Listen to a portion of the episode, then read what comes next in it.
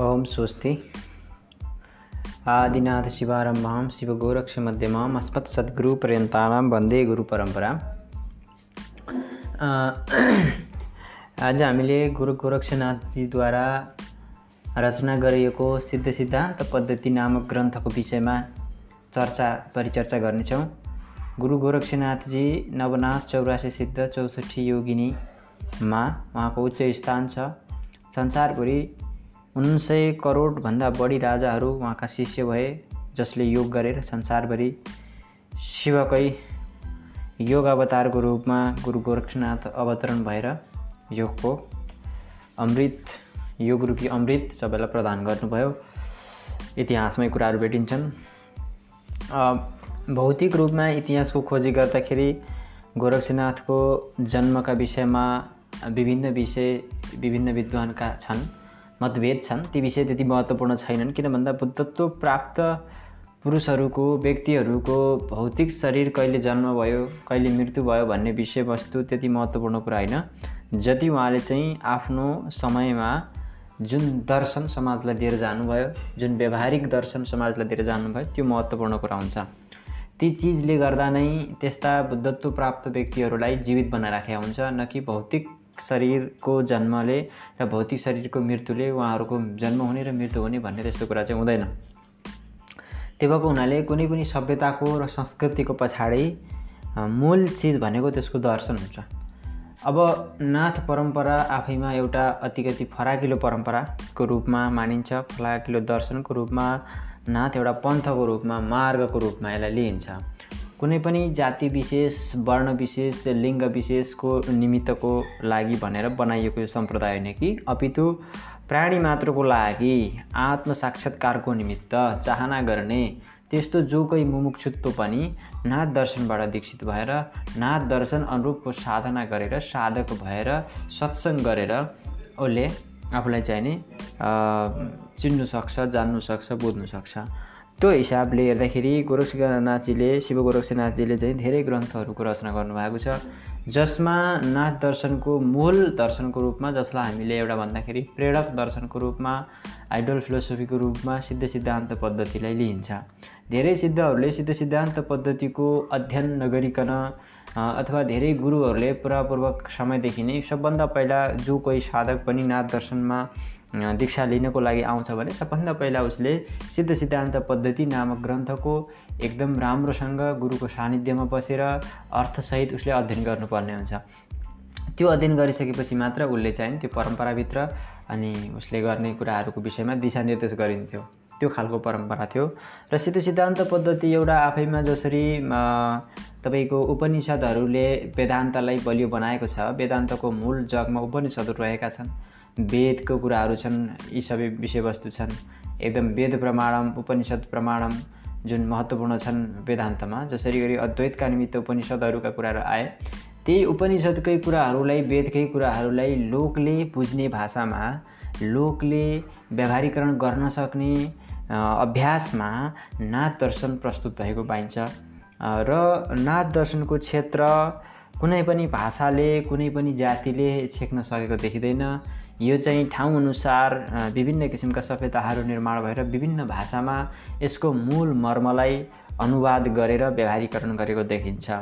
गोरखनाथको विषयमा विभिन्न सभ्यतामा विभिन्न किसिमका मतभेदहरू नामका हिसाबले भए तापनि दर्शनको हिसाबले चाहिँ मतभेद देखिँदैन गर्ने साधनाको हिसाबले पनि त्यो मतभेद देखिँदैन।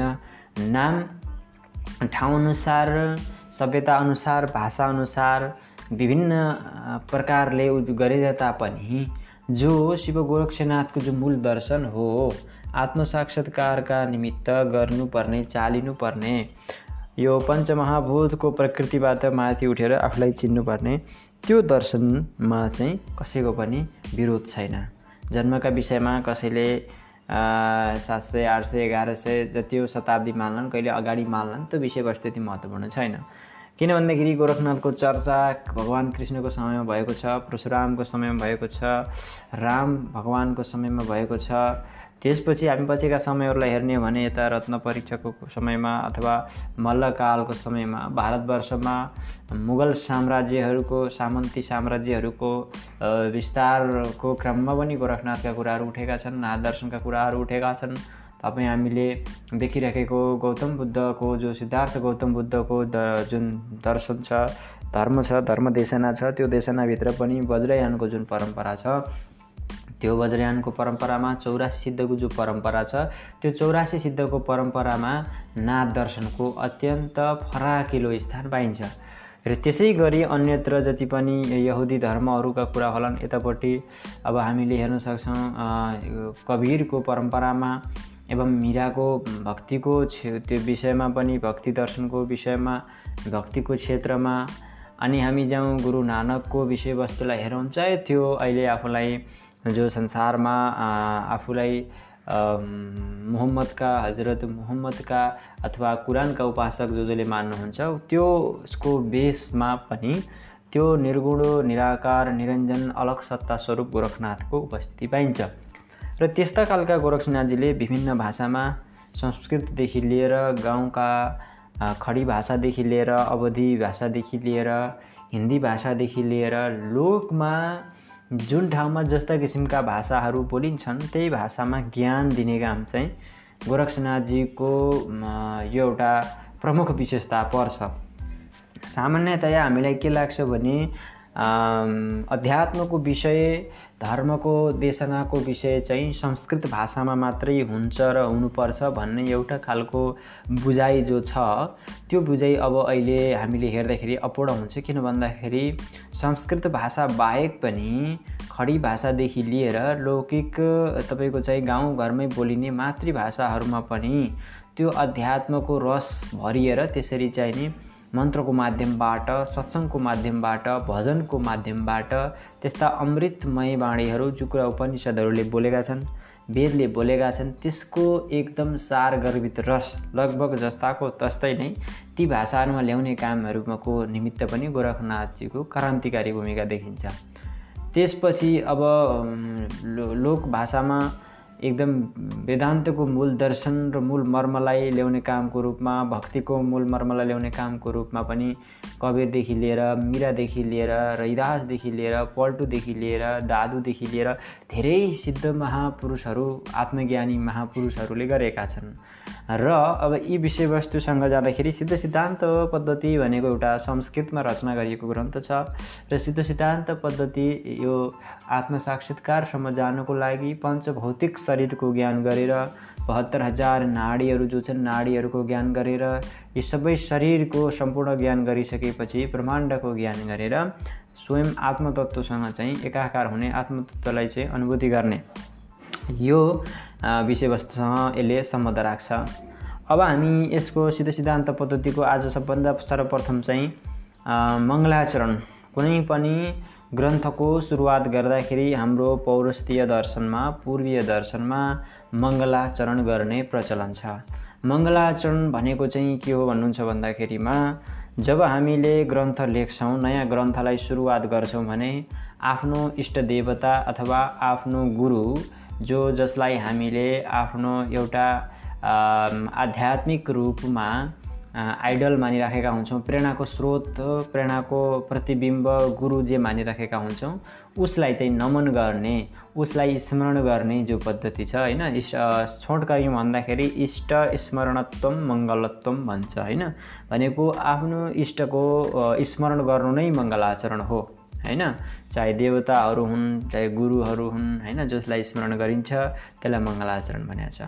र त्यो इष्टको स्मरण स्मरण किन गरिन्छ त भन्दा त्यो ग्रन्थ चाहिँ नि के होस् त भन्दा निर्विघ्न तरिकाले जस्तो ग्रन्थ सुरु गऱ्यो बिचमा नरोकियोस् त्यो ग्रन्थ पुरा सफल बनोस् पुरै सम्पूर्ण बनोस् भन्ने भाव राखेर पनि एउटा मङ्गलाचरण गरिन्छ होइन? अर्को चाहिँ मङ्गलाचरण किन गरिन्छ भने त्यो ज्ञानीजनले विद्वानजनले जुन कुराको थालनी गर्छन् जुन कुरा सुरु गर्छन् त्यसको अनुसरण भनेको आउने पिँढीहरूले पनि गर्छ।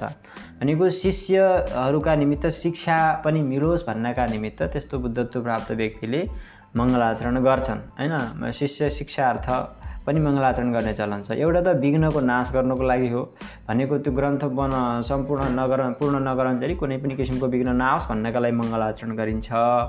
अर्को भनेको शिष्यहरूलाई तपाईँको चाहिँ नि यो शिक्षा मिलोस् भन्नका निमित्त गरिन्छ।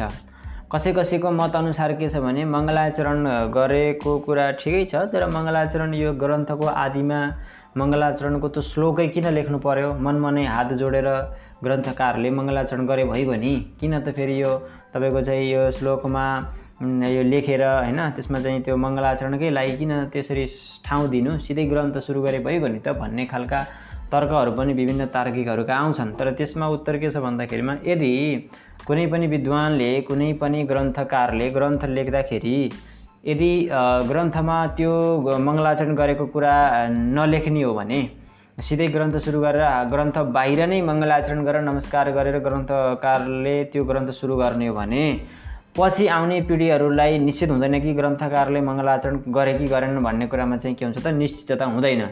अनि जसले त्यो ग्रन्थ बनाउँदाखेरि देख्यो उनीहरूले मात्र देख्न पाउने भयो आउने पढ्नेले त सिधै ग्रन्थ सुरु भइसकेपछि त मङ्गलाचरणको चर्चा नहुन पनि सक्ने भयो। त्यो थाहा हुँदैन। ग्रन्थकारहरूले यहाँ राखिदिइसकेपछि त यो सुरुकै ग्रन्थकै आदिमा मङ्गलाचरण गरिदिइसकेपछि त के भयो त? भन्दाखेरिमा मङ्गलाचरण गर्नुपर्ने रहेछ भन्ने एउटा परम्परा बस्ने भयो होइन? शिष्यहरूलाई शिक्षाको निमित्त पनि यसले के भयो त परम्परा बसाल्ने भएको हुनाले पनि ग्रन्थको आदिमा मङ्गलाचरण गर्नु वाञ्छनीय छ। यसरी चाहिँ नि यो कुराहरू आउँछन्। अब हामी सिधै विषयमा प्रवेश गर्दाखेरि सिद्ध सिद्धान्त पद्धति नाम गरेको जो ग्रन्थ छ सिद्धहरूले प्रतिपादित गरेको जुन पद्धति छ सिद्धान्त त्यही एउटा चाहिँ नि होइन त्यसलाई अब सिद्ध सिद्धान्त पद्धतिको रूपमा यहाँ सिद्धहरूको सिद्धान्त एउटा मार्ग होइन प्रक्रिया त्यो विषयमा यहाँ चर्चा छ। गोरक्षनाथजीले अब मच्छिन्द्रनाथ लगायत ज्वालेन्द्रनाथ आदि लगायतलाई वन्दना गरेर उहाँले ग्रन्थको सुरु गर्नुभएको छ। सबभन्दा पहिला चाहिँ अब हामी यो मङ्गलाचरण जो छ सिद्ध सिद्धान्त पद्धतिमा छवटा उपदेशको रूपमा विभाजित गरिएको छ र छ उपदेश पहिलो उपदेश द्वितीय तृतीय चतुर्थ पञ्च पाँचवटा छैठ छैटौँ गरेर छवटा उपदेशमा पुरा ग्रन्थ चाहिँ सम्पूर्ण भएको छ। अब हामी पहिलो खण्डमै भनौँ पहिलो उपदेशमै सुरु हुनुभन्दा अगाडि जब मङ्गलाचरण छ आदिनाथम नमस्कृत्य शक्तियुक्तम जगद्गुरुम। वक्षे गोरक्षनाथोहम सिद्ध सिद्धान्त पद्धतिम गुरु गोरक्षनाथजीले आदिनाथम शक्तियुक्तम जगद्गुरुं नमस्कृत्य शक्तियुक्त जगद्गुरुम अहम गोरक्षनाथो अहम नमस्कृत्य वक्षे सिद्ध सिद्धान्त पद्धति अर्थात् गुरु गोरक्षनाथले के भन्नुहुन्छ भने शक्तियुक्त जगतका गुरु आदिनाथजीलाई नमस्कार गरेर म गोरक्षनाथ नाम गरेको व्यक्तिले सिद्ध सिद्धान्त पद्धति नामको यो ग्रन्थ बनाउँदछु भन्नुभएको छ। अब यहाँनिर दुई तिनवटा शब्द आएका छन्। आदिनाथम शक्तियुक्तम जगत गुरुम नमस्कृत्य। होइन? अब यी सबै के छन् भन्दाखेरिमा शक्तिसहितको आदिनाथको कुरा आएको छ। शक्तिरहितको होइन। किन भन्दा शिवदेखि शक्ति भिन्न छैनन्। शक्ति आभ्यन्तरे शिव शिव आभ्यन्तरे शक्ति। होइन अब के त भन्दाखेरिमा शक्तिभित्र शिव छन् र शिवभित्र शक्ति छन् यसमा कुनै पनि किसिमको फरक छैन जसरी चन्द्रमा र चाँदनीमा फरक छैन। किनभने शक्ति जो छ शिवको साकार रूप हो भने शिवत्व निराकार रूप जो छ त्यो शक्तिकै रूप हो। भनेको शिव शक्ति हुन् शक्ति शिव हुन् यसमा कुनै पनि भेद छैन। शिवलाई साकार रूपमा हामी देख्न सक्दैनौँ जो निराकार रूप छ त्यो विशाल शिवको रूप हो र शिवको साकार रूप भनेको के हो त? प्रकृति हुन्। यो शक्ति हुन्। यो जग जगत देखिने जगत छ त्यो शिवबाटै शिवकै काखमा शिवकै जगमा बन्द छ। तर शिव के छन्? निराकार छन्। शिव के छन्? अव्यक्त छन्। तर शिवको व्यक्त रूप भनेको त? प्रकृति हो। त्यही भएर प्रकृतिलाई पुज्नेहरूले अथवा शाक्तहरूको मतमा के छ भने शिव त निराकार छन्। शिवको कुनै आकार छैन र अर्चना गर्न पनि मुस्किल छ। त्यही भएर शक्तिलाई जब हामी आराधना गर्छौँ शक्तिको पूजा गर्छौँ त्यसले शिवकै पूजा गरिएको ठानिन्छ। किन भन्दा शिवभन्दा भिन्न शक्ति छैनन्। शक्ति भनेकै शिव हुन्। शिव र शक्तिमा भेद छैन। यस्तो विद्वानहरूको योगीहरूको भक्तहरूको मत छ।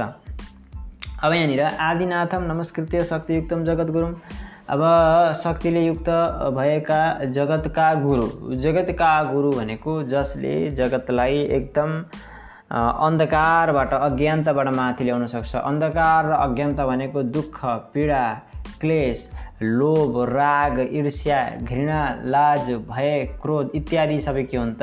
ती सबैलाई हामी अज्ञानताको रूपमा मान्दछौँ। र ती अज्ञानता जुन रूपी अन्धकारको त्यो मार्गबाट जसले उज्यालो प्रकाश छरेर उज्यालो प्रकाश छरिदिन्छ र अन्धकार बिमा भएको अज्ञानलाई नाश गरेर ज्ञानको जब उदय गरिदिन्छ त्यसलाई चाहिँ गुरु भन्ने चलन छ। गुरु भनेको गुरु शब्दैले पनि बताउँछ गु र रु दुईवटा शब्द छन्।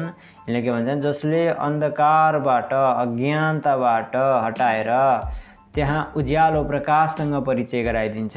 त्यसलाई चाहिँ गुरु भन्ने चलन छ र त्यसको जगतलाई नै जसले जसले त्यसरी चाहिँ नि ज्ञान दिन्छ त्यो के भयो त? जगतको गुरु भयो जो आदि छ र नाथ स्वामी नाथका चार अर्थ छन्। पछि यहाँ अर्थ लाइनेछ। र आदि भनेको सर्वप्रथम जो सुरुदेखि नै छ आदि। आदिनाथ भनेको जुन समय अनन्त यो सृष्टिको पृथ्वीको उत्पत्ति हुनुभन्दा अगाडिबाटै जो छ र पृथ्वीको उत्पत्ति यो चाहिँ जो भएको पृथ्वीको उत्पत्ति जब उत्पत्ति भएको पृथ्वी जब विलय हुन्छ त्यसपछि पनि छ भने त्यो के हो त आदिनाथ हो। होइन जो आदिदेखि अहिले अन्तिम समय हुन्छ त्यो जगत गुरु भयो जसले जगतको आदि उपरा मध्य अन्त्य सबै कुरा जानेको छ। त्यो के हो त जगत गुरु भयो। अब हामी जाउँ गोरक्षनाथले सबै नमस्कार गर्नुको एकदम पुरै विनम्रतापूर्वक सम्पूर्ण आफ्नो सबै चिज शरणागतिको भावले मन बुद्धि सबै हृदयदेखि चाहिँ चढाएर उहाँले नमस्कार चढाउनु कलालाई के भनिन्छ त? नमस्कार भनिन्छ। झुक्ने कला शरणमा जाने कलाको नामै नमस्कार हो।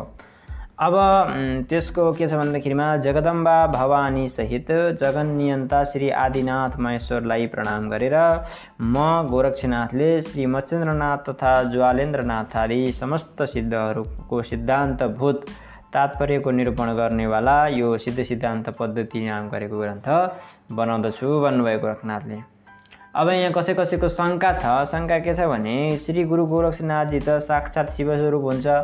शिवस्वरूपै भएको इतिहासमा देखिन्छ। धेरैले चाहिँ सिद्ध पुरुषहरूको गोरखनाथ होइन शिव गोरक्षनाथको रूपमा उहाँको नामै शिव गोरक्षनाथ हो। शिवजीको योग अवतार भएको हुनाले उहाँलाई शिव गोरक्षनाथ भन्नुपर्छ भन्ने यो परम्परा छ। अनि त्यो भएको हुनाले अब यो आफूले आफूलाई यसो भएपछि त गोरखनाथजी स्वयं शिव हुनुभयो। अनि शिव स्वयं भइसकेपछि त यो गोरखनाथले यहाँ नमस्कार गर्नुभएको छ। उहाँले शिवलाई नमस्कार गर्नु भनेको त आफैलाई नमस्कार गर्नु हो। यहाँनिर त अलिक असङ्गति देखियो। यो भएन भन्ने कसैको शङ्का हुने क्रममा चाहिँ नि अब यहाँ चाहिँ कुरा आउँछ किनभने गोरखनाथ र शिवजी एउटै हो भन्ने चाहिँ महाकाल योग शास्त्रमा पनि भनिएको छ। त्यहाँ के भनेको छ भने अहम अहमेवा अस्मि अहम एव अस्मि गोरक्ष मद्रूपम तन्निबोधत योग मार्ग प्रचाराय मया रूपम इदम दृतम भनिएको छ।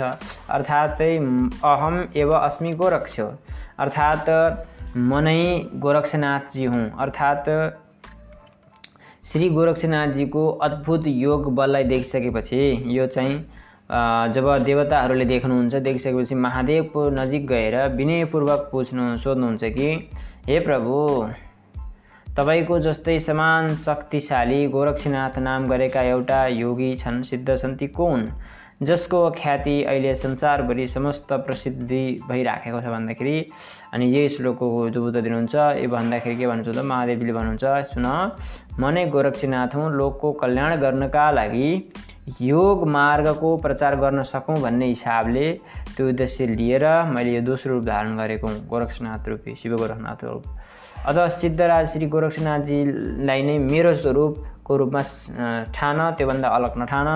त्यसै कारणले श्री गोरक्षनाथजीलाई बालक र वृद्ध सबै पुरुषले शिवस्वरूप मान्दछन्।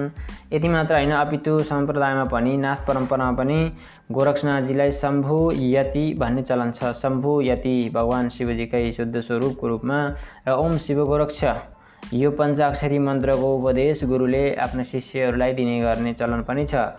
त्यही भएको हुनाले प्राचीन समयमा योगीहरूमा प्रसिद्ध छ। यसरी सिद्ध हुन्छन् र सिद्ध फेरि साक्षात् शिव नै हुन जान्छन्। शिव साक्षात् गोरक्षनाथ नै हुन्। अब यो भइसकेपछि श्री गोरक्षनाथजीले शिव स्वरूप भएको हुनाले यो कथन सत्य हो। किन्तु योग मार्गको प्रचार गर्नका लागि रूपान्तरण धारण गरेर आफ्नो आफ्नो आफूले आफूलाई दोस्रो रूपमा प्रमाण गर्नुभएको छ। त्यसैले यहाँनिर चाहिँ आफैले आफूलाई प्रणाम गर्नु यस्तो दोष हुँदैन। किनभने कसैले दोष उठाइदियो आफूले आफूलाई नमस्कार गर्नु त अहङ्कारको प्रतिबिम्ब हो। शिव र गोरखनाथमा कुनै पनि किसिमको भेद नभइसकेपछि किन नमस्कार गरिराखेको? त शिव र गोरखनाथमा केही भेद छैन। एउटै स्वरूप हो तर उनै शिव दुईवटा स्वरूप भएर आइसकेपछि लोकको लोकले बुझ्ने भाषामा लौकिकै तरिकाले प्रस्तुत भएको हुनाले त्यो यहाँ गरिएको वन्दना यहाँ गरिएको नमस्कार अथवा मङ्गलाचरण व्यक्तिगत अहङ्कार बढाउने किसिमको छैन कि? अपितु समाजलाई अथवा लोकलाई मार्ग निर्देशन गर्नका निमित्त शिक्ष यो शिक्षाका निमित्त चाहिँ के छ त? उचित छ।